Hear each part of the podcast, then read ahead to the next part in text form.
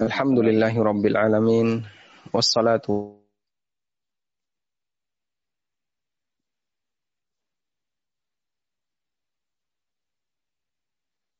uh, Afwan Ustaz suaranya suaranya hilang Ustaz.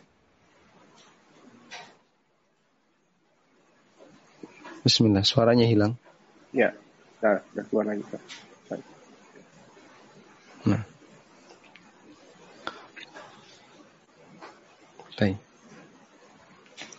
Alhamdulillahi Rabbil Alamin Wassalatu wassalamu ala ashrafil mursalin Nabiyyina wa maulana Muhammadin wa ala alihi wa sahbihi ajma'in Wa ashhadu an la ilaha illallah wahdahu la syarikalah Wa ashhadu anna Muhammadan abduhu wa rasuluh Sallallahu alaihi wa ala alihi wa sahbihi wa sallama tasliman kathira Thumma ma ba'd Alhamdulillah kembali kita melanjutkan kajian membahas buku Fikih Muyassar dan insya Allah kita akan lanjutkan pembahasan seputar fikih masalah haid dan nifas. Sebelumnya kami menyampaikan informasi bahwa kajian ini diselenggarakan oleh Rumah Dakwah Paduka di UK dan disiarkan secara live di uh, Paduka Channel.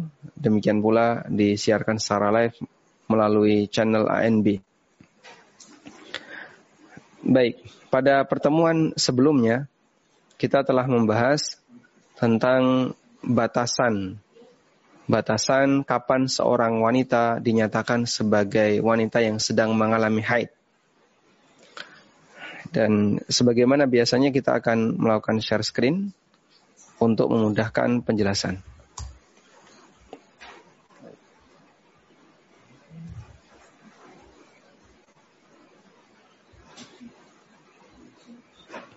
Baik. Kajian tentang masalah haid. Ya. Kajian fikih haid secara umum kita bagi menjadi dua. Yang pertama adalah menentukan ya, tentang fikih menentukan kapan wanita mengalami haid. Kemudian yang kedua adalah fikih konsekuensi hukum ketika wanita mengalami haid. Yang pertama sudah kita bahas pada pertemuan yang lalu. Insya Allah untuk kali ini kita akan bahas bagian yang kedua yaitu konsekuensi hukum ketika wanita mengalami haid. Namun sebelum kita membahas bagian ini, terlebih dahulu kita akan bahas masalah nifas. Karena ini belum kita belum kita singgung pada pertemuan sebelumnya. An-nifas sebagaimana namanya berasal dari kata an-nafs yang artinya jiwa.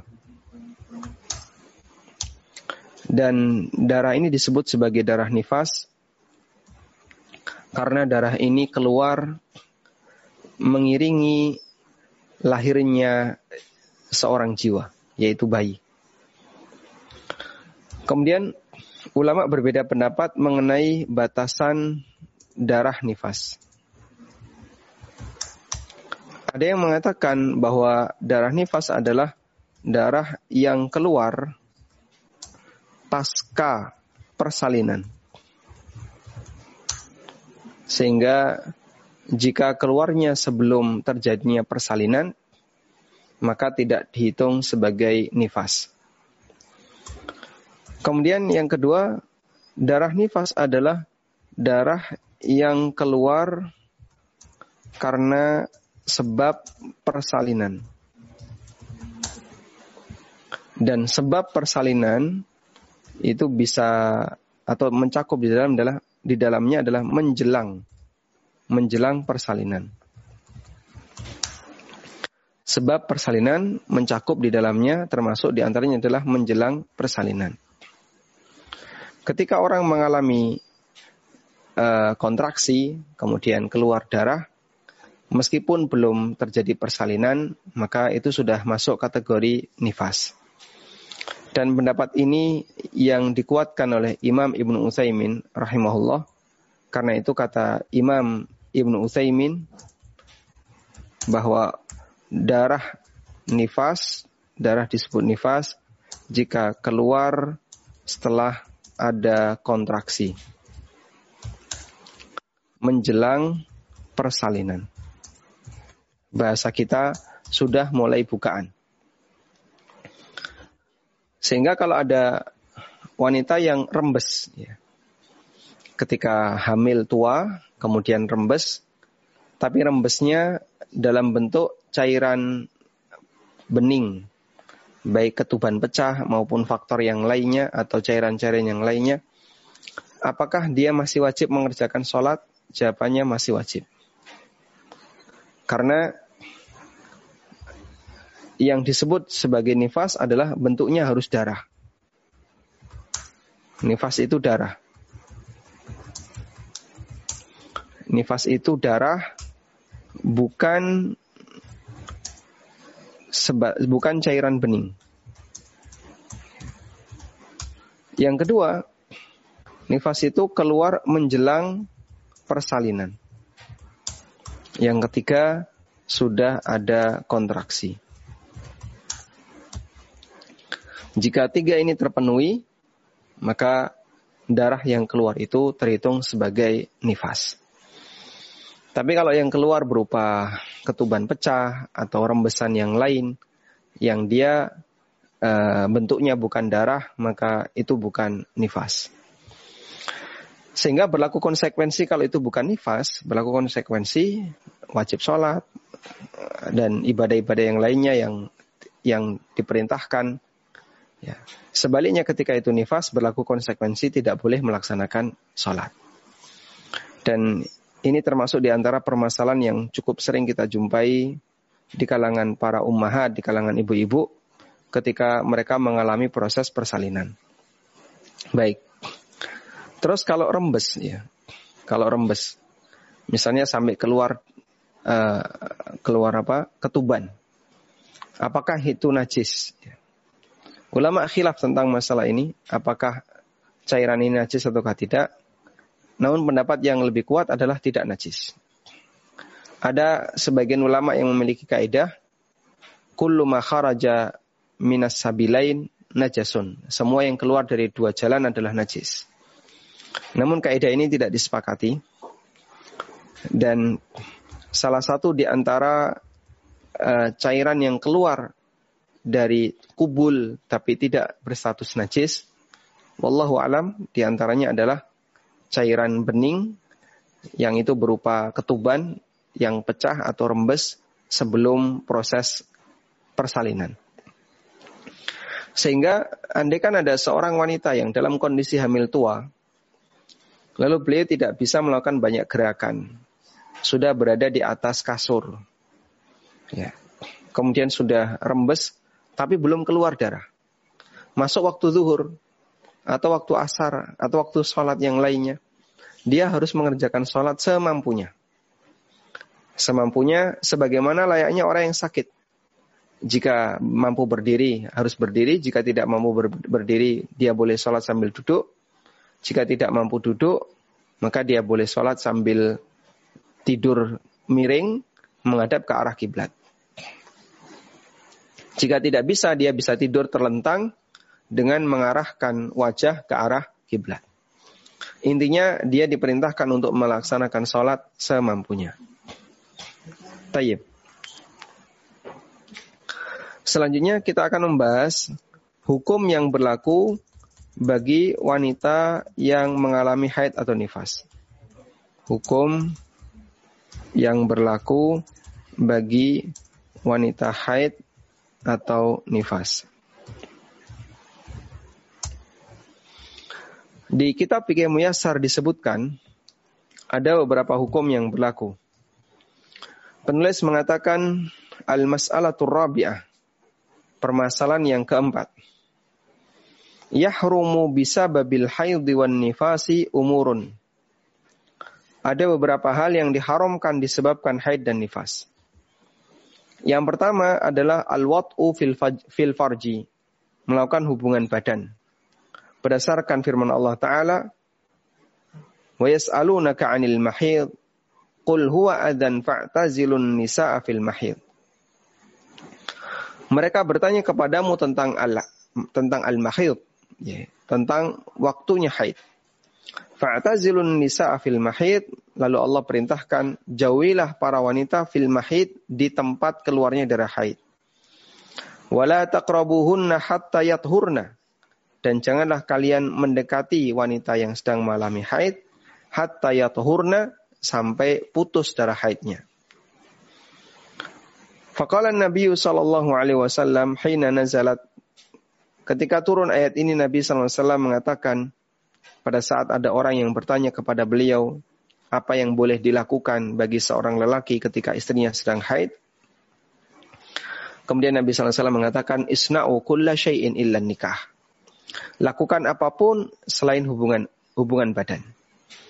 Sehingga wanita yang mengalami haid haram melakukan hubungan badan. Dan ini mujma' alaih sesuatu yang disepakati dan diketahui oleh seluruh kaum muslimin. Yang kedua adalah at-talak. Yang kedua di antara yang dilarang untuk dilakukan adalah talak. Berdasarkan firman Allah taala, "Fatallikuhunna li'iddatihinna wa ahsul. Silahkan kalian ceraikan istri kalian jika mau menceraikan sang istri. Li'iddatihinna ya, untuk waktu di mana dia mudah menghitung iddahnya. Wa ahsul dan hitunglah iddahnya. Coba kita buka surat At-Talaq ayat yang pertama. Allah Subhanahu wa taala mengatakan ya, di surat At-Talaq ayat 1 ya,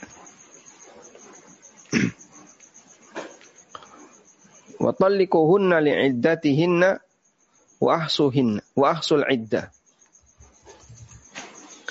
Silahkan diceraikan ya. Li'iddatihinna pada waktu iddahnya. Diceraikan pada waktu atau pada waktu bisa menghadapi iddah. Maksud dari ayat ini seperti ini ya. Jadi kalau kita buat uh, seperti siklus, wanita kan mengalami seperti ini. Ya. Suci, ini dia di posisi suci, lalu setelah itu haid.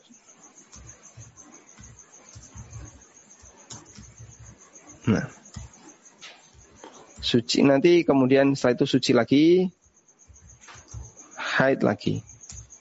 Dan begitu seterusnya. Ya. Yang dimaksud Tallikuhunna li'iddatihinna adalah ceraikan sebelum dia menjumpai masa haid.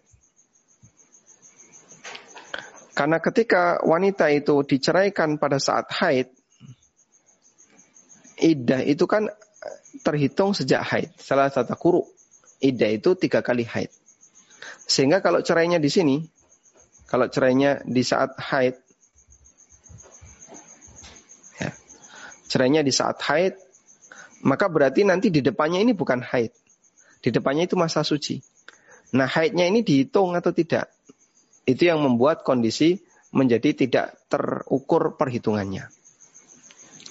Maka pada saat wanita sedang mengalami haid, berarti dia kemudian diceraikan oleh suaminya, berarti sang suami menceraikan istrinya di waktu di mana sang istri tidak bisa menghitung haid dengan baik. Karena itu Allah perintahkan, fatallikuhunna li'iddatihinna.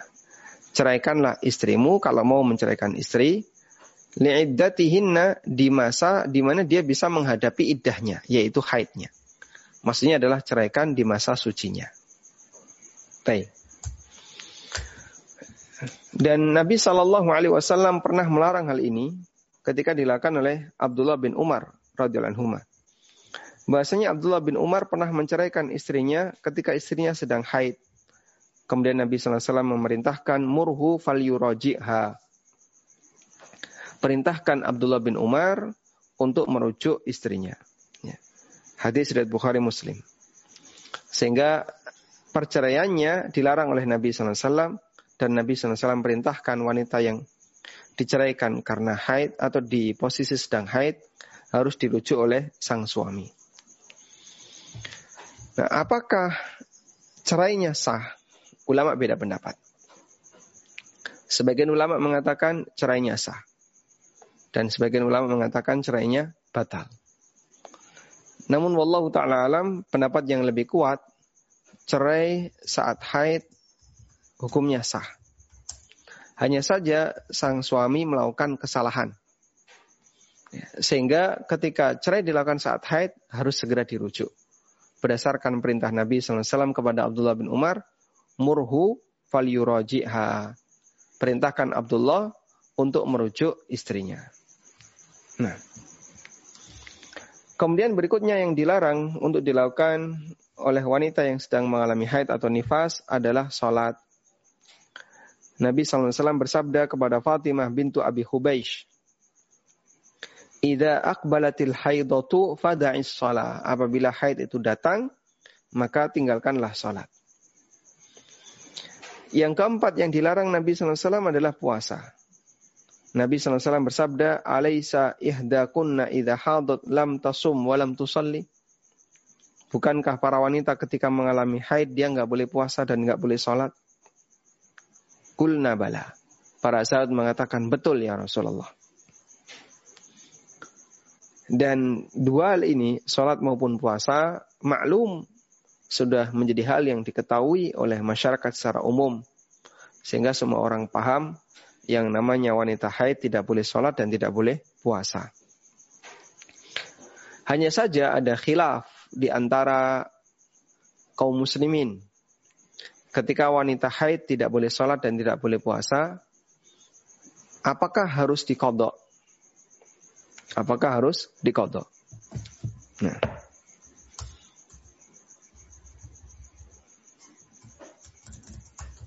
meninggalkan sholat dan puasa ketika haid. Apakah harus dikodok?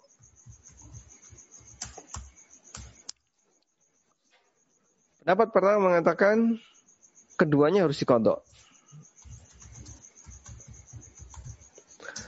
Sehingga baik meninggalkan sholat maupun puasa ketika haid, wanita ini harus mengkodok puasa dan sholat. Dan ini pendapat Khawarij. Dalam fikihnya Khawarij, wanita haid tetap wajib mengkodok sholatnya. Kemudian yang kedua adalah pendapat kedua yang dikodok hanya puasa. Dan ini pendapat kaum muslimin selain khawarij. Dulu ada seorang wanita datang kepada Aisyah radhiyallahu anha. Beliau bertanya, "Fama balu nisa'in tahidu?" Kenapa wanita itu ketika haid taqdis siyam wala taqdis salah? Dia diperintahkan untuk mengkodok puasa tapi tidak diperintahkan untuk mengkodok salat. Lalu Aisyah bertanya kepada wanita ini, Aharuriyatun anti? Apakah kamu itu wanita khawarij? Ya. Kemudian wanita ini mengatakan tidak, tapi saya ingin tanya. Kemudian Aisyah mengatakan, kami mengalami haid di zaman Nabi SAW, fanu'maru bi qada'i siyam, wala nu'maru bi qada'i salah. Dan beliau perintahkan kami untuk mengkondok puasa, dan kami tidak diperintahkan untuk mengkondok sholat. Udah selesai. Perintahnya seperti itu. Sehingga jangan ditanya lagi. Dan Khawarij, mereka mengkodok sholat ya, atau mewajibkan para wanita yang mengalami haid untuk mengkodok sholat yang ditinggalkan. Selanjutnya, yang kelima adalah tawaf. Berdasarkan sabda Nabi Sallallahu Alaihi Wasallam kepada Aisyah radhiallahu anha, lama hadat ketika Aisyah sedang mengalami haid saat berangkat haji. If'ali ma yaf'alul hajj. Ghaira an tatufi bil baiti hatta tathuri. Lakukanlah sebagaimana yang dilakukan oleh para jamaah haji. selain tawaf di Ka'bah sampai kamu suci. Sehingga wanita haid dilarang untuk tawaf. Yang keenam adalah kiraatul Quran, membaca Al-Quran. Menurut pendapat kasirun min ahli ilmi, kebanyakan menurut pendapat banyak ulama di kalangan sahabat tabi'in, waman ba'dahum dan generasi setelahnya. Lakin idha ihtajat ilal qiraati ka'an tahtaja ila muraja'atin ila muraja'ati mahfudhiha hatta la yunsa. Namun jika wanita itu sangat butuh untuk membaca Al-Quran, seperti dia butuh untuk muraja'ah hafalannya agar tidak lupa atau mengajarkan al-banat para wanita di madrasah atau membaca yang menjadi wiridnya, maka hukumnya diperbolehkan. Dan jika tidak dibutuhkan, sebaiknya tidak dibaca. Kama qala bihi ba'du ahli ilmi, dan ini merupakan pendapat sebagian ulama sebagaimana keterangan Imam Ibnu Utsaimin. Baik. Yang ketujuh adalah menyentuh mushaf Al-Quran. Perlu dibedakan antara membaca Al-Quran dengan menyentuh Al-Quran.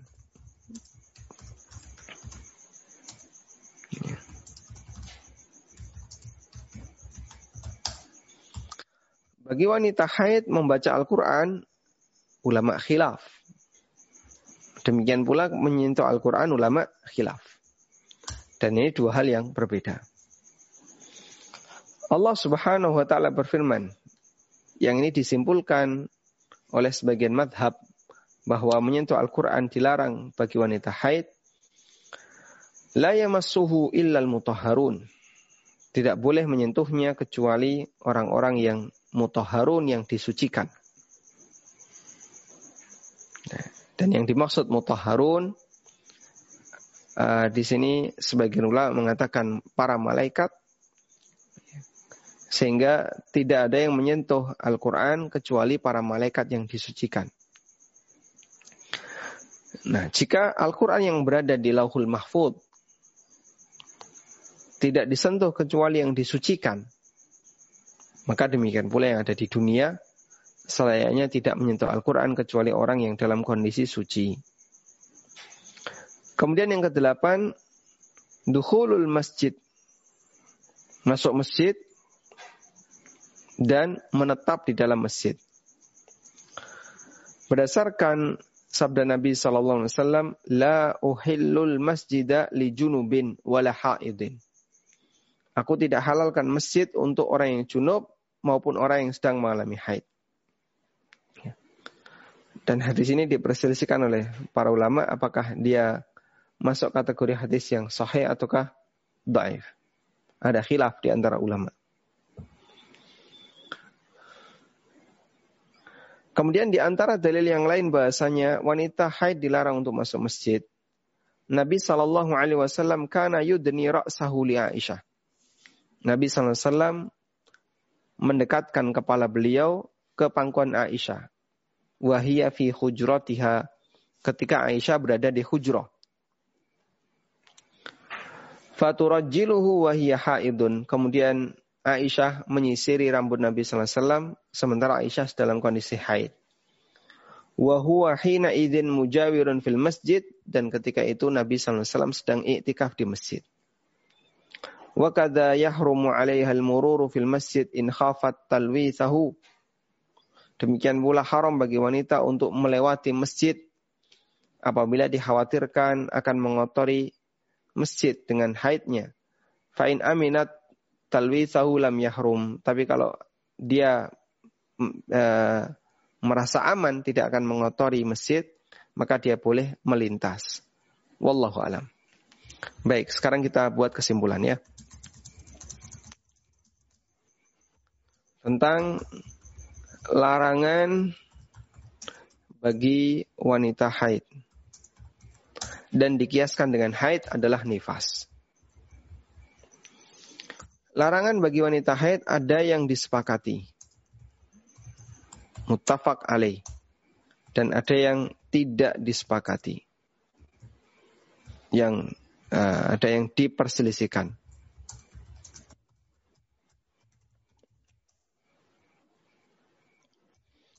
Di antara larangan yang disepakati adalah sholat. Wanita haid nggak boleh sholat. Kemudian puasa, ini disepakati. Wanita haid tidak boleh puasa. Kemudian hubungan badan. Wanita haid dilarang melakukan hubungan badan. Nah, kemudian termasuk juga yang ditegaskan oleh para ulama bahasanya itu dilarang adalah tawaf. Sebagaimana keterangan dari Nabi SAW dalam hadis Aisyah radhiyallahu anha. Kemudian ada uh, perbuatan yang dilarang bagi wanita haid tapi dia diperselisihkan. Menyentuh mushaf.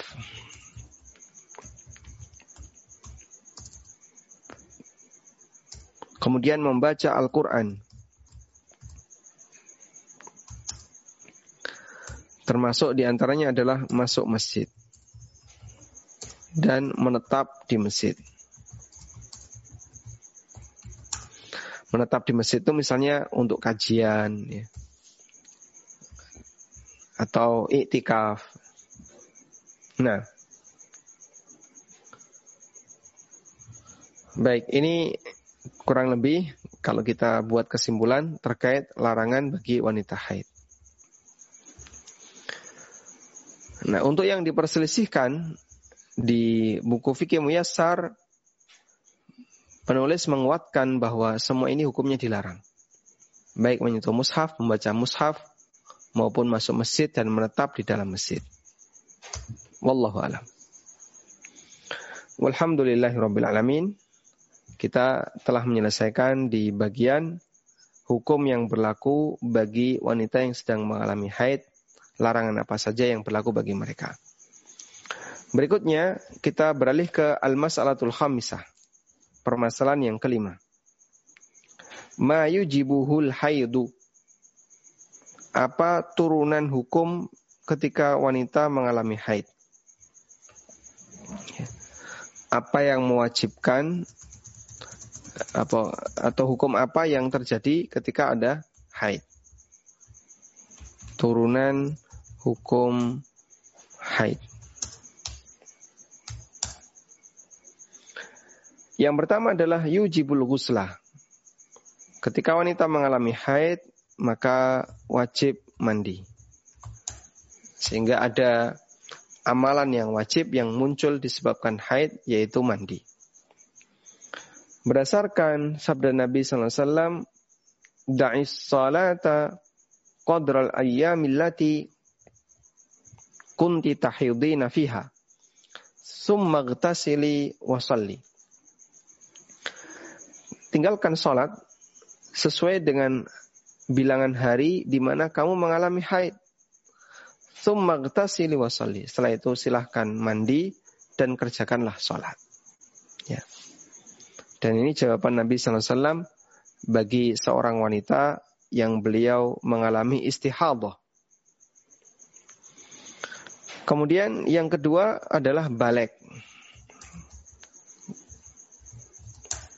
konsekuensi terhadap hukum haid yang kedua adalah balik. Ya. Berdasarkan sabda Nabi SAW, La yakbalullahu salata haidin illa bihimar. Allah tidak menerima salatnya wanita yang sudah mengalami haid, artinya wanita yang balik, illa bihimarin, kecuali dengan menggunakan kerudung. Faqad aujaba 'alaiha sitra bi khusulil haid fadalla ala anna taklifa hasala bihi wa inna ma yahsulu dzalika bil bulugh maka di sini uh, Allah mewajibkan bagi para wanita untuk menutup auratnya disebabkan karena haid. Ini menunjukkan bahasanya at-taklif adanya perintah syariat itu berlaku bihi sejak wanita mengalami haid. Sehingga itu merupakan batas dari balik. Ini batas balik bagi wanita. Kemudian yang ketiga adalah al-i'tidad bihi. fayanqadil iddah fi haqqil mutallaqah wa nahwiha bil haid liman kanat tahidu ya. Yang ketiga adalah masalah batasan masa iddah.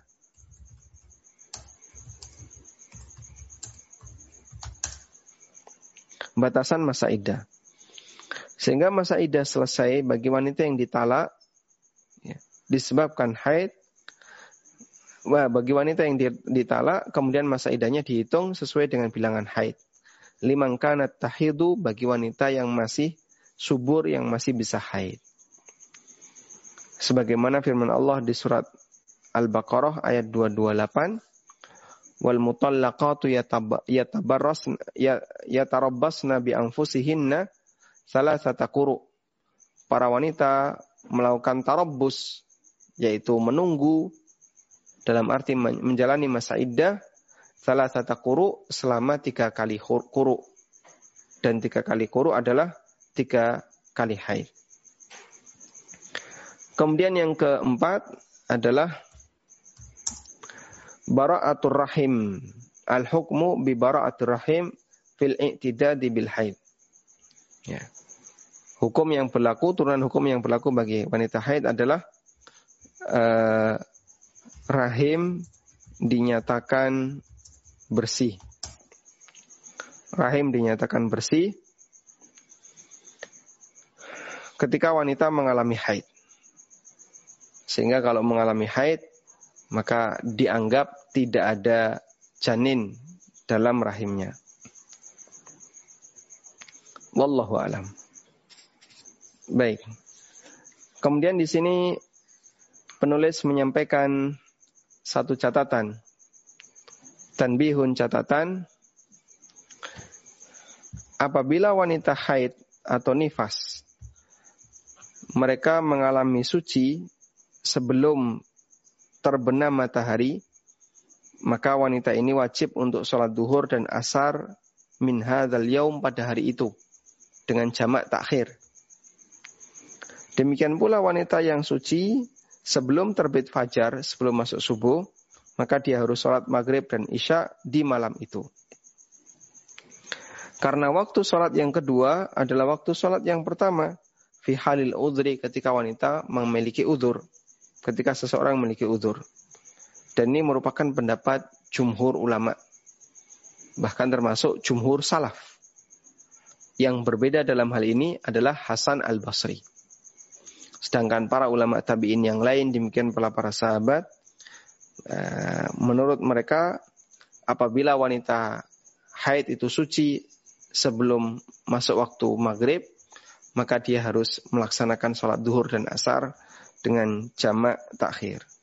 Demikian pula ketika suci sebelum subuh maka harus melakukan jamak isya dan uh, maghrib dan isya secara takhir. Wallahu a'lam.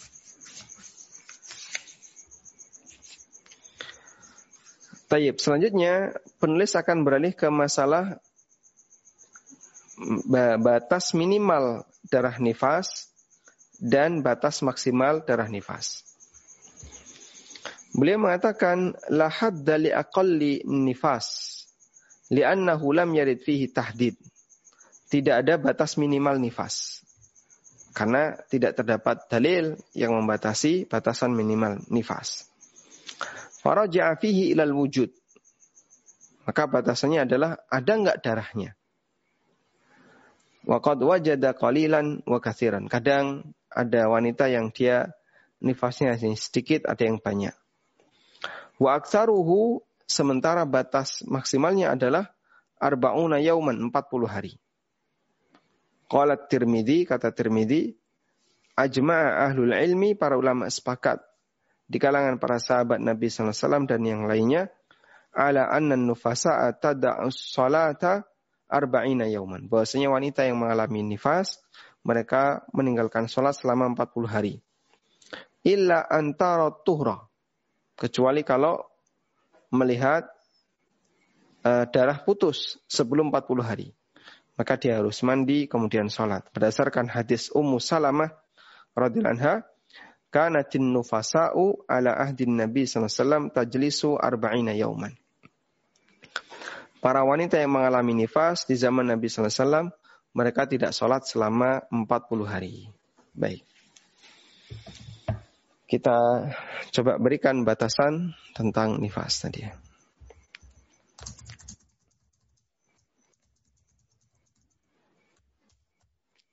Tadi sudah kita singgung tentang batasan darah nifas, yaitu darah yang keluar dengan sebab persalinan. Ya. Darah yang keluar dengan sebab persalinan. Baik sebelum ya, maupun uh, ketika persalinan apa uh, termasuk di antaranya adalah pasca persalinan. Kemudian ada batas minimal dan batas maksimal nifas. Batas minimal nifas yang benar tidak ada. Sehingga mungkin saja orang bisa nifas hanya dalam hitungan jam. Ya. Karena tidak ada batasan tertentu. Kemudian batas maksimal ini disebutkan dalam hadis. Dan riwayat yang masyhur adalah selama 40 hari. Sudah? Karena itu jika wanita yang nifas lebih dari 40, maka kelebihan dari 40 itu Eh, kemungkinan bisa haid, kemudian kemungkinan yang kedua adalah istihadah. Ya, sehingga jika lebih dari 40 hari maka bisa haid, bisa juga istihadah. Dia dihitung haid jika memang itu adalah kebiasaan dia waktu sebelum hamil. Kebiasaan haid dia sebelum hamil.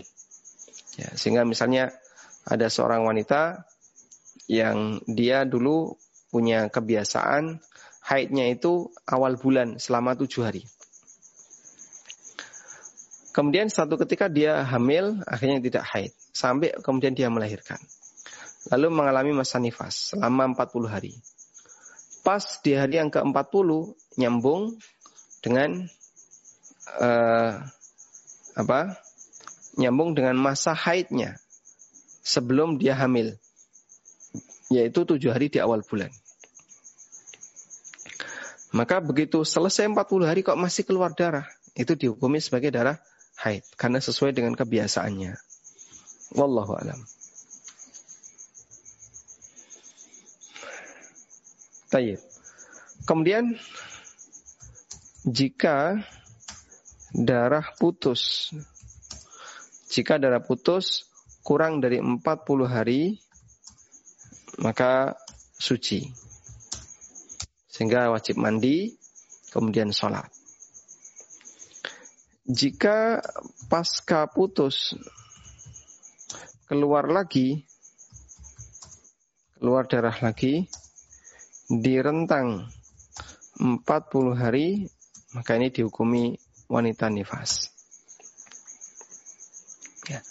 Sehingga misalnya ada seorang wanita yang dia mengalami nifas selama 10 hari. Ya. Terus putus darahnya. Nggak keluar lagi. Maka dia harus mandi. Kemudian sholat. Kemudian selesai sholat mungkin atau selesai dalam kondisi suci mungkin 2-3 hari. Lalu dia haid lagi. Eh, dia keluar darah lagi. Maka selama masih di rentang 40 hari, jika keluar darah seperti ini, dihukumi sebagai darah nifas. Ya. Sehingga tidak boleh melakukan sebagaimana beberapa larangan yang tadi sudah kita sebutkan antara yang disepakati dengan yang diperselisihkan oleh para ulama. Wallahu alam. Tayyib. Dan pada pertemuan berikutnya atau pada permasalahan berikutnya penulis akan menyinggung tentang masalah istihadah. Namun karena di sini ada cukup banyak rincian sehingga agar pembahasan istihadah ini bisa utuh, insya Allah akan kita singgung di pertemuan berikutnya. Demikian semoga menjadi mukaddimah yang bermanfaat. Wassallallahu ala nabiyyina Muhammadin wa ala alihi wa sahbihi wasallam. Wa akhiru da'wan anil hamdulillahi rabbil alamin. Alhamdulillahirrahmanirrahim. Terima kasih Ustaz atas uh, ilmunya. Mohon maaf ini suara saya agak bindeng karena belum sehat. Baik, uh, in, sebelum kita masuk ke dalam uh, sesi tanya jawab, silakan untuk yang ingin bertanya, ingin bertanya langsung silakan raise hand. Nanti kita akan beri kesempatan. Tidak banyak pertanyaannya kali ini Ustaz. Saya share screen insya Allah.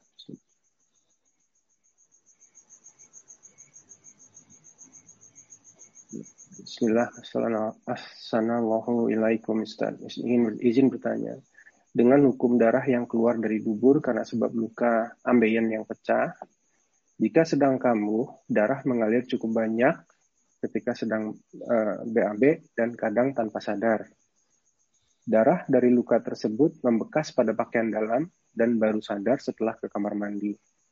Untuk eh, dan pada saat keadaan sadar bahwa ada darah yang membekas di pakaian dalam. Saat itu sudah melakukan sholat, bagaimana hukumnya terkait darah tersebut Ustaz? Mohon penjelasannya. Jazakumullah khair.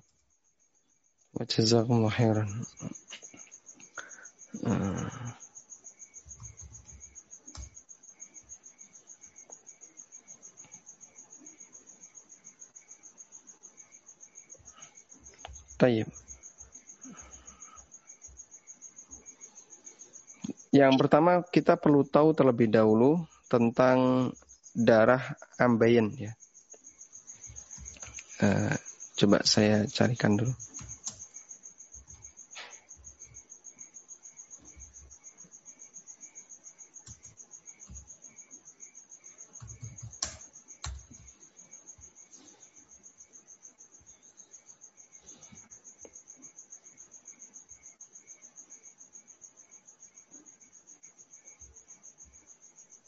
Ada fatwa di Syabaka Islamiyah tentang hukum darah wasir.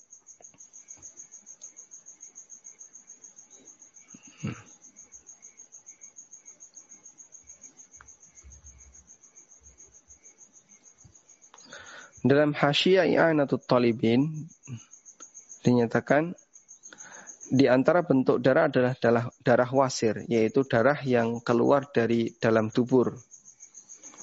Falau kharaja al-basur thumma tawadda'a thumma kharaja minhu damun fala naqada wa kadza law kharaja min al-basur an-nabit kharija dubur. Kalau ada orang yang mengalami wasir, kemudian dia berwudu, Lalu setelah itu keluar darah, maka wudhunya tidak batal. Demikian pula kalau keluar uh, wasir itu keluar di daerah sekitar tubur. Ini mewakili madhab syafi'iyah. Kemudian mewakili madhab hambali. Wa in kana mimma la yumkinu asabahu kal jarhi alladhi la yumkinu shaddahu aw min babi basur aw nasur fala yumkinu asabuhu shalla ala hasabi halihi.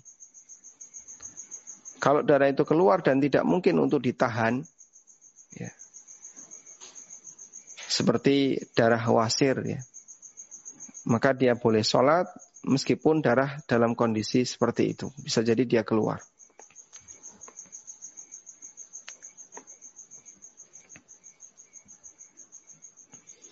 Nah, sehingga di sini wallahu taala alam para ulama mengatakan bahwa darah wasir ketika keluar di tengah orang sedang beribadah maka itu tidak diperhitungkan. Nah, karena itu jika dan ini tidak membatalkan wudhu bahkan darah itu keluar dalam posisi masih sholat karena itu wallahu taala alam sebagian berpendapat bahwasanya darah wasir ini tidak sampai kondisi najis. An-Nawawi mengatakan wa amma sahibun nasur wal jarhus sa'il fahuma kal mustahadha fi wujubi ghasli dam likulli faridatin wa syaddi ala mahalliha. Ya. Untuk darah wasir dan luka yang mengalir seperti maka statusnya sebagaimana wanita mustahadah. di mana darahnya harus dicuci setiap kali mau melakukan sholat. Wallahu taala alam. Ya. Sehingga wallahu alam di sini kita bisa simpulkan bahwa para ulama berbeda pendapat tentang masalah darah wasir.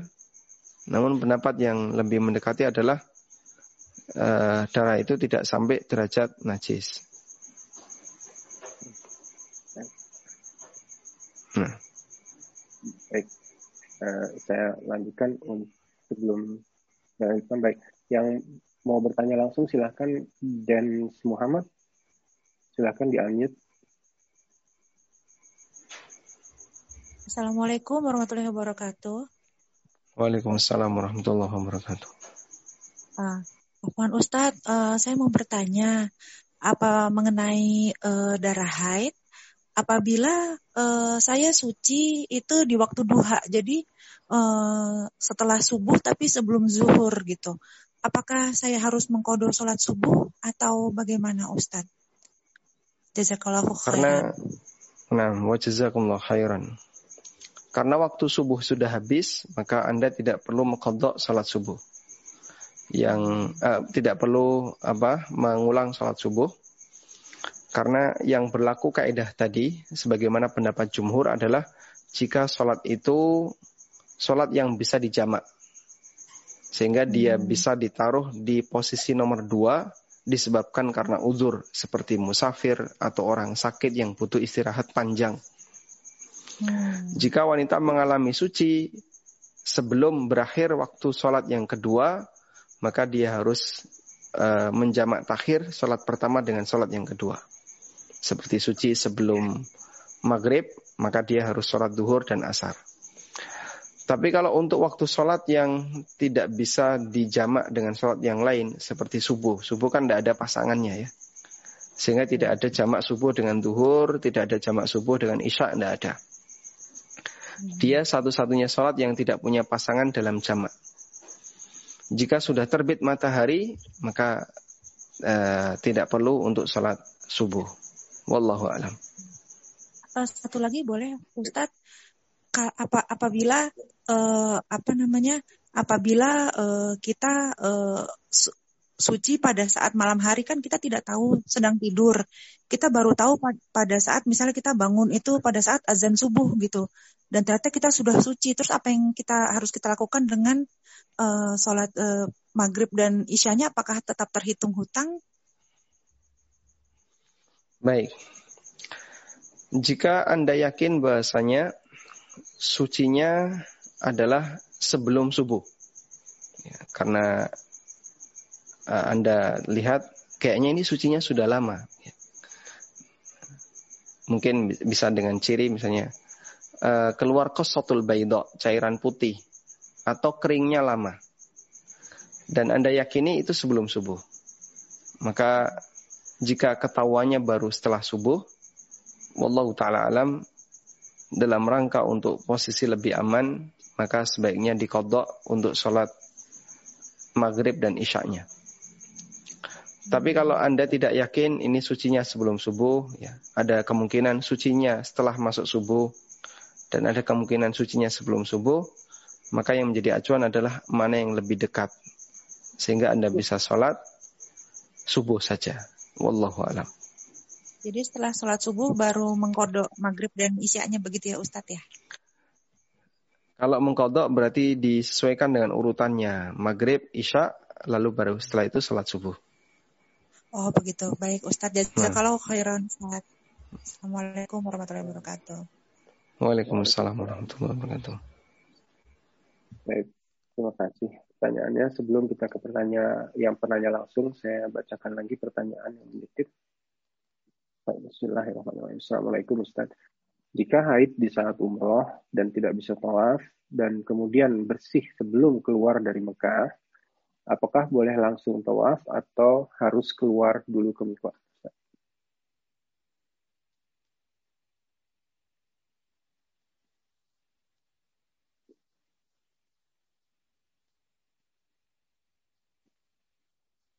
Uh, Afwan Ustaz suaranya mute kayaknya ini.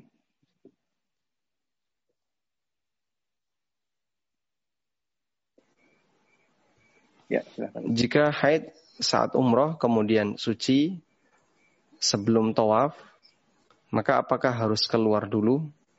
Jawabannya tidak perlu keluar dulu. Dia bisa langsung tawaf. Yang terjadi pada Aisyah radhiyallahu anha adalah beliau mengalami haid ketika berada di Sarof. Ya. Kemudian saat itu beliau harus mengambil mikot untuk umroh. Sedangkan wanita ini sudah ngambil mikot di mikot saat berangkat umroh. Sehingga misalnya ya, misalnya ada seorang ibu yang mengalami haid sejak dari Madinah. Sejak di Madinah sudah haid. Kemudian datang ke Dhul Hulaifa, ke Bir Ali. Dan haidnya belum selesai. Apa yang harus dilakukan? Yang harus dilakukan adalah niat untuk umroh, niat untuk ikhram. Kemudian berangkat bersama dengan rombongan. Masuk tanah haram, mengucapkan sebagaimana diucapkan yang lain. Labbaik Allahumma umratan. Labbaik Allahumma umratan. Lalu berangkat.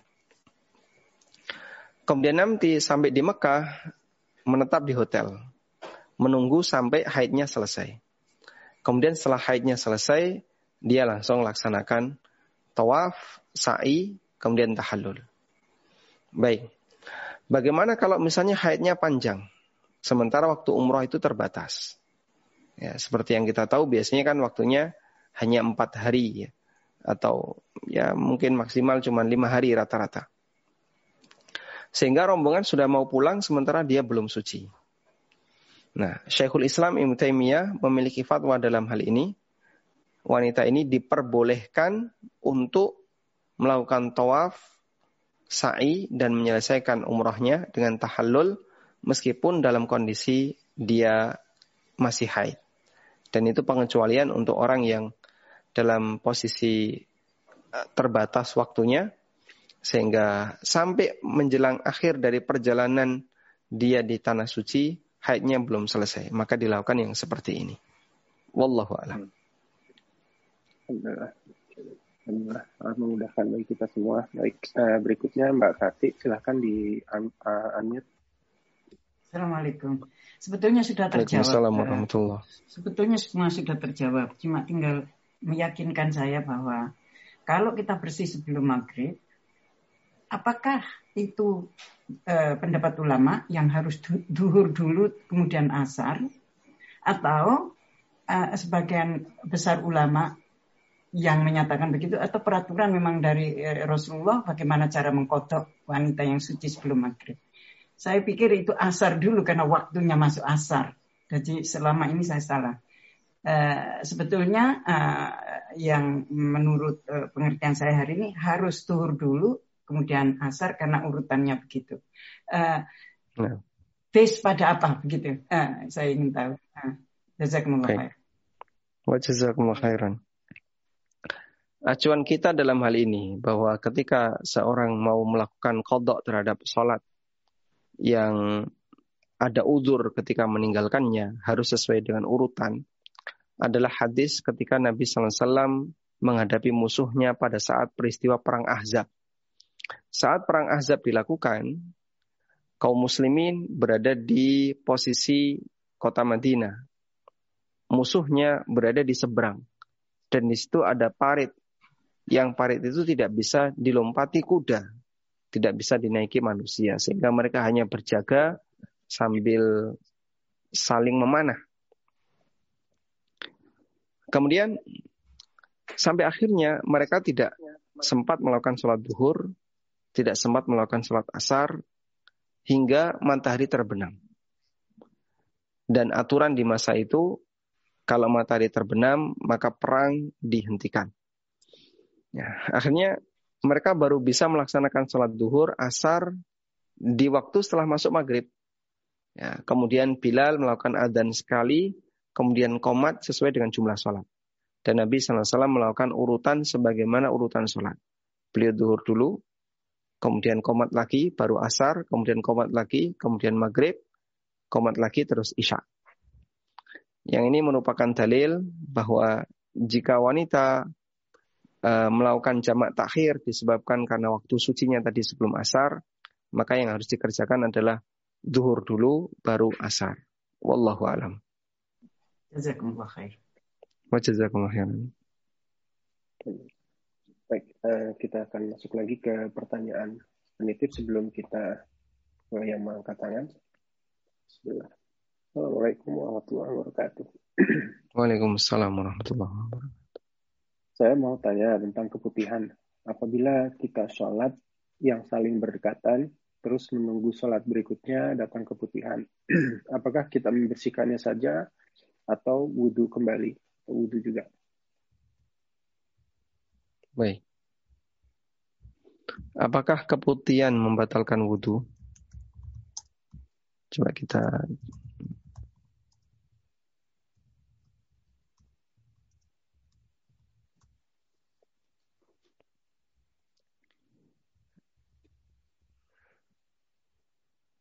Yang pertama, apakah keputuhan itu najis? Ya. Pendapat yang lebih mendekati, wallahu alam, bahasanya keputihan bukan termasuk di antara cairan yang najis. Sehingga wanita yang mengalami keputihan, yang lebih tepat, dia tidak harus membersihkannya. Ibnu Qudama pernah mengatakan, Wa fi rutubati farjil mar'ah ihtimalan ahaduhuma annahu najis. Li'annahu fil farji la yakhluqu minhu al-walad ashbah al-madhi. Wa thani taharatuhu. Li'anna Aisyata kanat tafrukul mani min thawbi Rasulillah sallallahu alaihi wasallam wa huwa min jima'in. Tentang keputihan ya, atau cairan basah yang keluar dari yang keluar dari uh, apa leher rahim ya. ada dua kemungkinan. Pertama najis. Karena ini keluar dari farji. Yang di situ tidak menjadi anak artinya bukan mani. Sehingga dia mirip sebagaimana mati. Dan pendapat yang kedua adalah suci. Karena Aisyah radhiyallahu pernah mengerik cairan yang kering di sarungnya Nabi SAW, di kainnya Nabi SAW, wa min jima'in, dan itu hasil dari hubungan badan. Wallahu ta'ala alam, sehingga ada khilaf dalam masalah ini, namun pendapat yang lebih mendekati adalah bahwasanya cairan keputihan itu tidak najis. Kemudian apakah keputihan membatalkan wudhu? Ya. Ada Eh, sebagian pendapat yang mengatakan bahasanya keputihan termasuk di antara pembatal wudhu. Ya, dan ini pendapat yang lebih mendekati dalam rangka untuk kehati-hatian. Karena itu kami sarankan bagi wanita yang mengalami keputihan di saat sedang menunggu sholat, misalnya maghrib sampai isya, dan itu pendapat jumhur, maka sebaiknya dia berwudhu. Wallahu ta'ala alam. Baik. Uh, berikutnya penanya langsung yang mengangkat tangan Mbak Yudi Arsyad silahkan di unmute.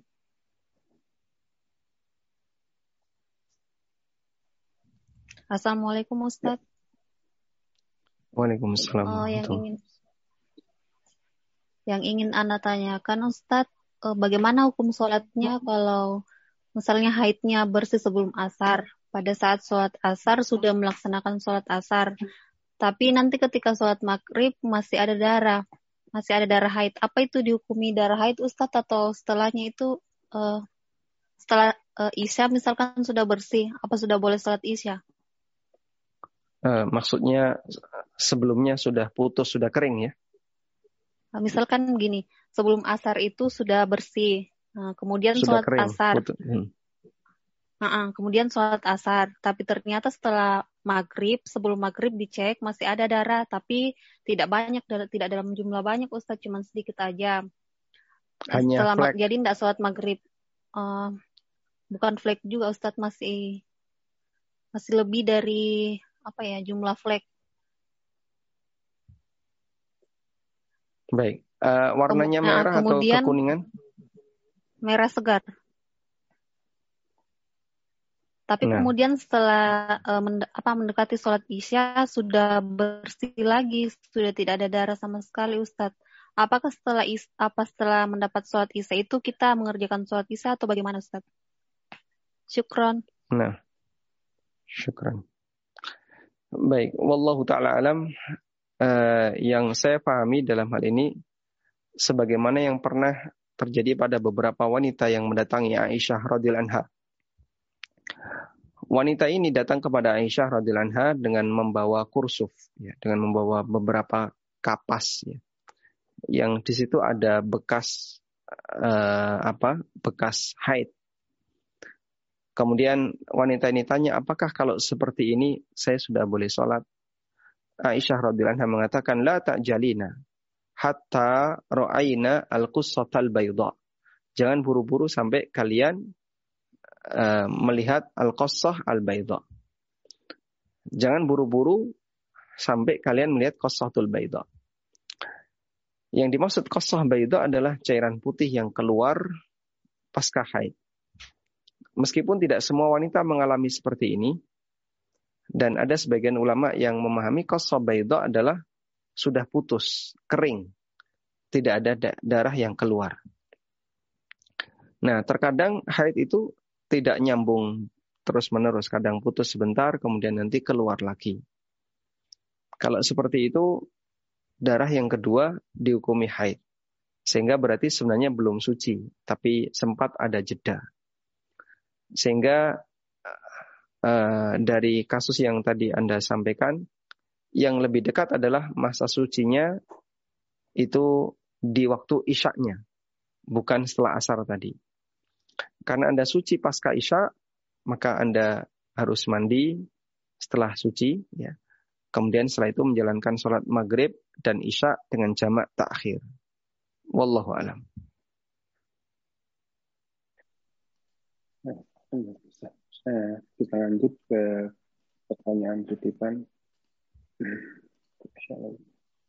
Assalamualaikum warahmatullahi wabarakatuh. Waalaikumsalam warahmatullahi wabarakatuh.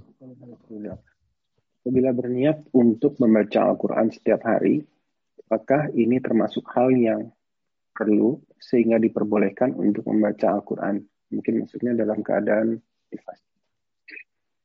Dalam haid.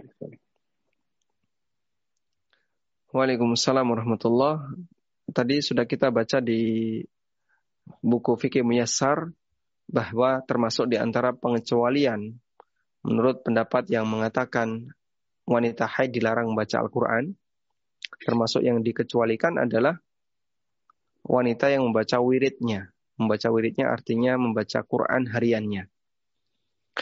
Sehingga dan makna wirid itu tidak sebagaimana wirid dalam pengertian kita ya. Wirid di sini adalah rutinitas bacaan yang dilakukan oleh seorang muslim. Anda rutin membaca zikir pagi petang atau rutin membaca Al-Qur'an sebelum tidur, surat Al-Mulk sebelum tidur, itu semuanya adalah wirid. Sehingga wirid itu maknanya bukan sebatas zikir pasca sholat, termasuk di antara wirid adalah amalan rutin harian yang dikerjakan oleh seseorang tanpa putus. Nah, di antara yang diperbolehkan untuk dilakukan oleh wanita haid adalah wanita yang membaca wiridnya. Sehingga jika punya kebiasaan seperti itu, silahkan dilanjutkan. Tapi sebatas hanya untuk wiridnya saja. Wallahu alam. Baik, uh, kita masuk ke pertanyaan terakhir untuk malam ini.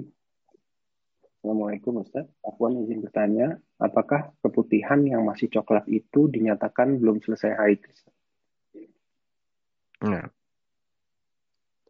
Waalaikumsalam warahmatullah.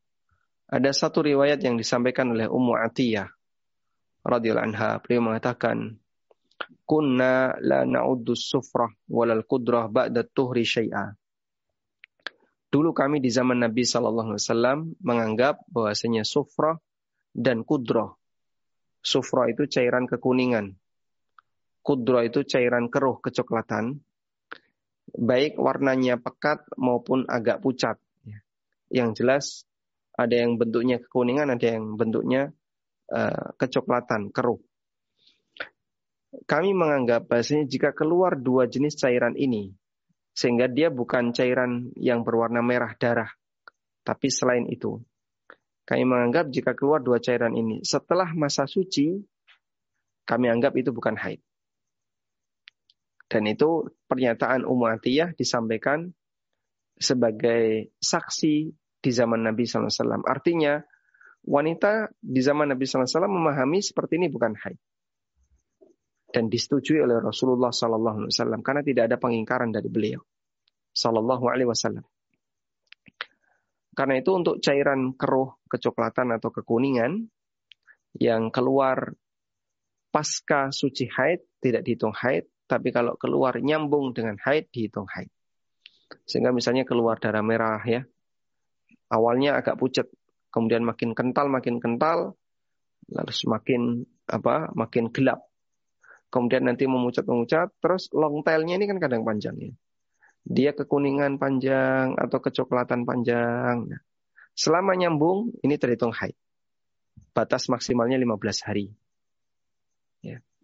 Tapi kalau ini sudah putus, nah, putus kering, terus keluar kekuningan, maka dia tidak dihitung sebagai haid.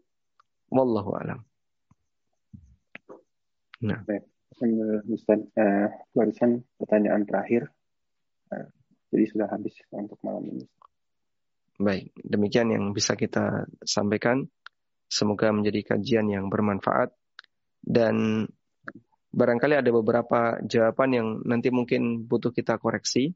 Insya Allah akan kita sampaikan di pertemuan berikutnya, insya Allah Ta'ala. Karena masalah cairan yang keluar dari manusia, yang itu berkonsekuensi apakah najis ataukah tidak, satu. Apakah membatalkan wudhu ataukah tidak, dua ini cukup banyak. Sehingga uh, butuh rincian detail nih, tentang masalah cairan yang tidak hanya sebatas darah dan kotoran. Ya. Tidak ada sebatas darah dan kotoran. Tadi kita jumpai ada kasus wasir, kasus keputihan, kemudian rembes ketika proses persalinan dan seterusnya. Insya Allah eh, di beberapa titik yang tadi barangkali ada yang perlu kita koreksi akan kita sampaikan di pertemuan berikutnya insya Allah taala. Wassallallahu ala nabiyyina Muhammadin wa ala alihi wa sahbihi wa akhiru da'wana alhamdulillahi rabbil alamin. Subhanakallahumma wa bihamdika. Asyhadu an la ilaha illa anta astaghfiruka wa atubu ilaik. Wassalamualaikum warahmatullahi wabarakatuh. Waalaikumsalam warahmatullahi wabarakatuh. Alhamdulillah Ustaz. Terima kasih atas ilmunya dan waktunya. Insya Allah kita lanjutkan di kajian berikutnya. Untuk menyimak kembali silahkan disimak di uh, channel YouTube Paduka underscore UK atau di channel Paduka uh, Aminur Price. Baik, uh, mohon maaf jika ada kesalahan atau kekurangan dari saya khususnya dan dari panitia asal umumnya.